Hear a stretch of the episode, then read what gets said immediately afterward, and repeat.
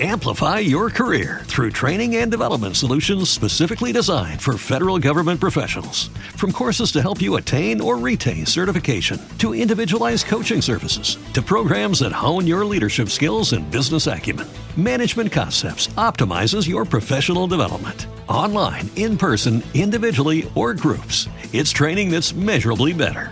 Learn more at managementconcepts.com. That's managementconcepts.com.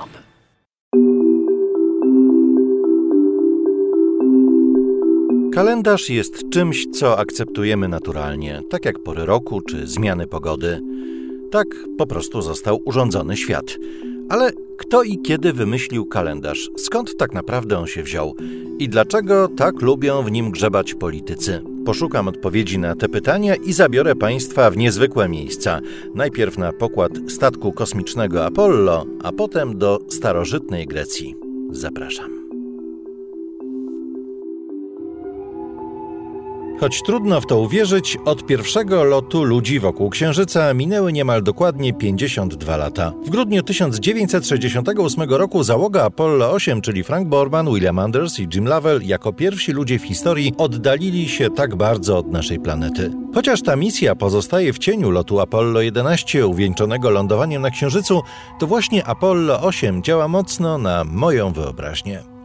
Słuchając utworu Mike'a Oldfielda, w który artysta wplótł głosy załogi Apollo 8, czytającej biblijną Księgę Rodzaju, myślę, co czuli i co widzieli ci ludzie.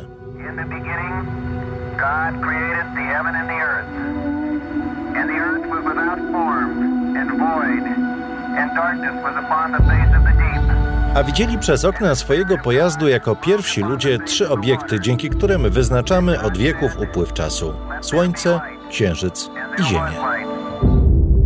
W starożytności dostrzegano zmieniające się cyklicznie pory roku i to, że Słońce w różnych miejscach horyzontu wschodzi i zachodzi. Ale jak mówi astronom i wicedyrektor Planetarium Śląskiego Damian Jabłeka, rolnicy i kapłani potrzebowali skali dokładniejszej niż rok. I taką skalę dał nam Księżyc. Jeden okres od pełni do pełni to 29,5 dnia. W ciągu obiegu Ziemi dookoła Słońca, czyli w ciągu roku, mieści się 12 takich okresów. I w ten sposób ludzie, łącząc obserwacje Księżyca z obserwacjami Słońca, stworzyli kalendarz, który miał 12 miesięcy. I takie miesiące miały po 29 i 30 dni na przemian, co średnio dawało właśnie 29,5 dnia, czyli okres księżyca od pełni do pełni. Takie kalendarze jak żydowski, arabski ściśle były związane właśnie z obserwacjami księżyca. Pojawił się jednak problem. 12 miesięcy księżycowych to nie cały rok. Do pełnego okrążenia Słońca przez Ziemię zabraknie aż 11 dni. Po jakimś czasie i co gorsza dość krótkim, pory roku zaczęłyby nie pasować do kalendarza. Dlatego wprowadzono dni albo wręcz miesiące przestępne, które niwelowały tę rozbieżność. I teraz ciekawostka. Można by pomyśleć, że kalendarz to ostatnia z rzeczy, w którą mogliby się mieszać politycy. Mm-mm. Okazuje się, że mogą. Dodawanie jednak takich dni miało często charakter polityczny albo było wykorzystywane do przedłużania władzy albo ściągania większych podatków.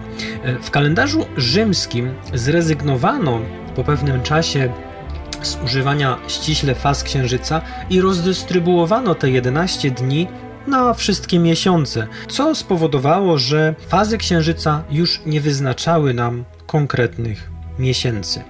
W prawie wszystkich kulturach rok zaczynał się od marca, czyli miesiąca, w którym następowała równonoc wiosenna.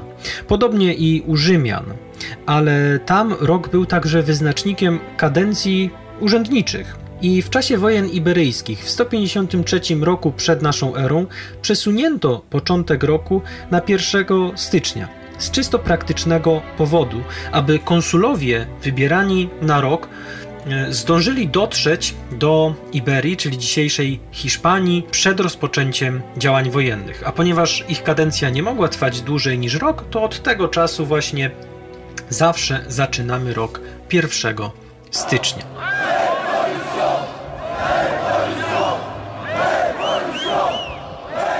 Rewolucja francuska kojarzy nam się głównie z krzyczącym tłumem i tym jakże niemiłym dla ucha dźwiękiem wydawanym przez urządzenie wymyślone przez chirurga Józefa Ignasa Gilotena. Ale nie każdy wie, że w czasie rewolucji francuskiej wprowadzono nowy kalendarz. Miesiąc zamiast na tygodnie podzielono na trzy dekady, po 10 dni. Każdy z 10 dni nazywany był po prostu liczebnikami porządkowymi. Dziesiąty dzień był świętem. W kwietniu 1802 roku zniesiono podział na dekady jako uciążliwy dla społeczeństwa. No, nic dziwnego. Gilotyna za to pozostała we Francji dłużej, bo aż do roku 1977. Wróćmy jednak jeszcze do naszego kalendarza, który aż do połowy poprzedniego tysiąclecia działał dobrze. No, prawie dobrze. Taki kalendarz był przyjęty i trwał bardzo długo, aż do 1582 roku, kiedy zauważono, że ten dzień przestępny co 4 lata nie daje nam dokładnego e, poprawiania kalendarza, że jest to pewne przybliżenie. Zreformowano po raz kolejny kalendarz, uściślając dokładnie sposób wyznaczania lat przestępnych. Cofnięto wtedy cały kalendarz o 10 dni. Przez tę zmianę, która obejmowała wyłącznie kalendarz stosowany w kulturze zachodniej, do dziś widzimy, że kultury wschodnie obchodzą na przykład Boże Narodzenie 10 dni po y, naszym Bożym Narodzeniu. To właśnie dlatego, że różne kultury różnie przyjmowały tę poprawkę, a kiedyś kalendarzem rządził Kościół. Sylwester 2020 roku był 366 dniem roku. Następny taki rok dopiero za 4 lata. Wyobraźnia to naprawdę potężne narzędzie. Gdy zastanawiamy się, jak starożytni Grecy żyli bez internetu, telewizji i bezprzewodowej łączności, możemy sobie od razu odpowiedzieć krótko: na pewno żyli wolniej i spokojniej chociaż i krócej. A zamiast seriali oglądali na niebie gwiazdy. Mieli do tego idealne warunki. Niebo nad starożytną Grecją nie było przecież zanieczyszczone światłem. Starożytni szybko dostrzegli, że gwiazdy układają się w konstelacje. Za każdą z takich konstelacji kryła się cała opowieść.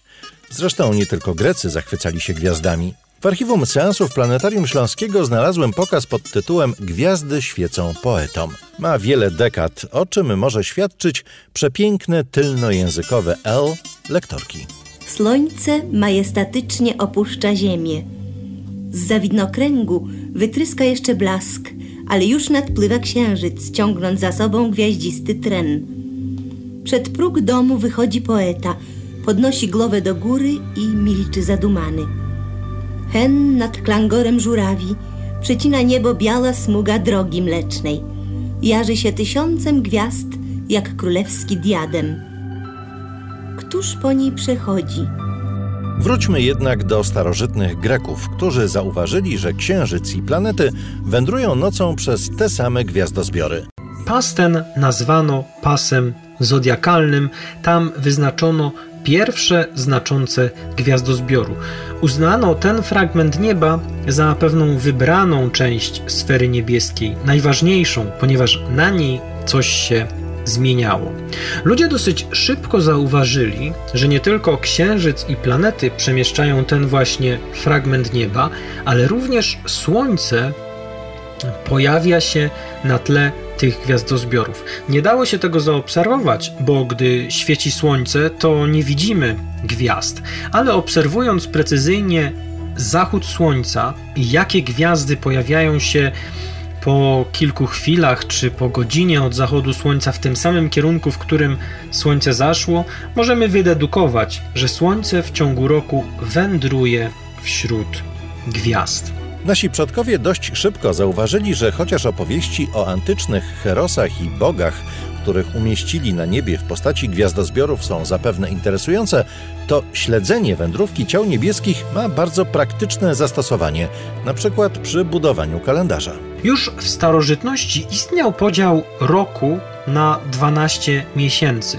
Podzielono więc także niebo na 12 równych fragmentów, które nazwano znakami zodiaku. Także z miesiąca na miesiąc Słońce przechodziło do kolejnego znaku zodiaku. Jeśli Państwo pozwolą, po raz kolejny sięgnę do archiwum seansów Planetarium Śląskiego. Tym razem pozycja z seansu przy ulicy Astronomów, w którym wykorzystano tekst Dzieci Pana Astronoma Wandy Chotomskiej, do którego napisał muzykę Grzegorz Seweryn. Przypomnijmy sobie zatem, jakie gwiazdozbiory tworzą znaki Zodiaku. Baran stoi na przodzie, choć ma rogi niebodzie. Zaraz za nim byk byczy, który nigdy nie ryczy. Dalej widać bliźnięta, rak im depce po piętach. Lew ogląda się srogo, panna niesie mu ogon. Waga patrzy w jej stronę, wisi tuż przed skorpionem. Jest i strzelec w tym tłumie, ale strzelać nie umie. Koziorożec nie bryka, lecz prowadzi wodnika.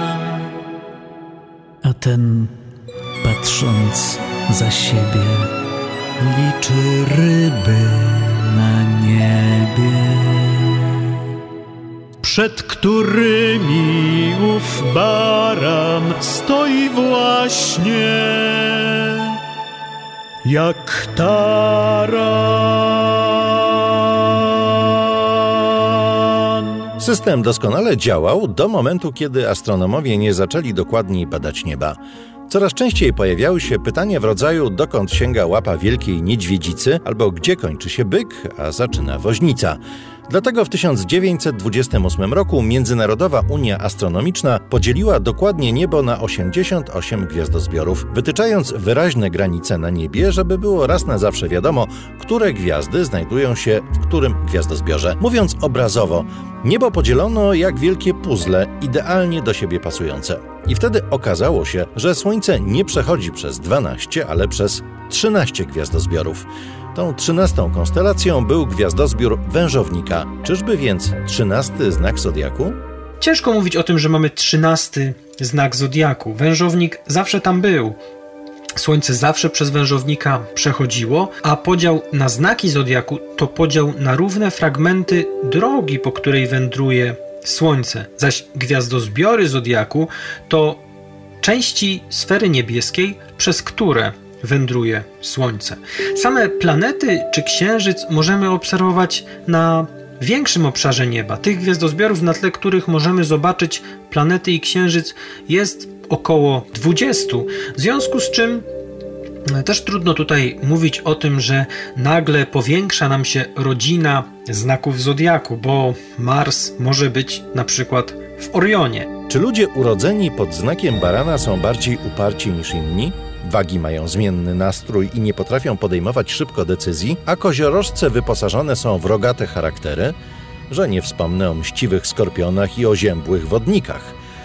Czy to, w jakim gwiazdozbiorze znajdowało się Słońce w dniu naszych urodzin, może mieć wpływ na nasz charakter? No cóż, z tym pytaniem nie należy kierować się do naukowców. W jednym astrologowie, astronomowie i poeci są zgodni. Nocne niebo zachwyca nas tak samo jak starożytnych Greków i tak samo każe zadawać nam dwa jakże podstawowe pytania: skąd się wzięliśmy i dokąd zmierzamy?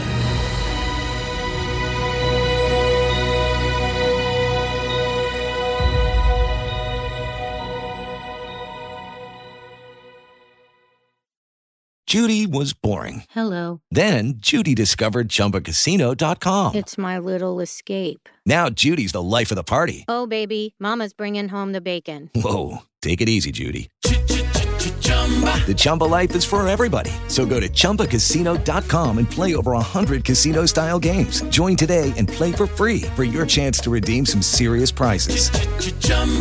ChumbaCasino.com. No purchase necessary. Void where prohibited by law. 18 plus terms and conditions apply. See website for details. Hello, it is Ryan, and I was on a flight the other day playing one of my favorite social spin slot games on chumbacasino.com. I looked over the person sitting next to me, and you know what they were doing? They were also playing Chumba Casino. Coincidence? I think not. Everybody's loving having fun with it. Chumba Casino is home to hundreds of casino style games that you can play for free anytime, anywhere, even at 30,000 feet. So sign up now at chumbacasino.com to claim your free welcome bonus. That's chumbacasino.com and live the Chumba life. No purchase necessary. Group. Void prohibited by law. See terms and conditions. 18 plus.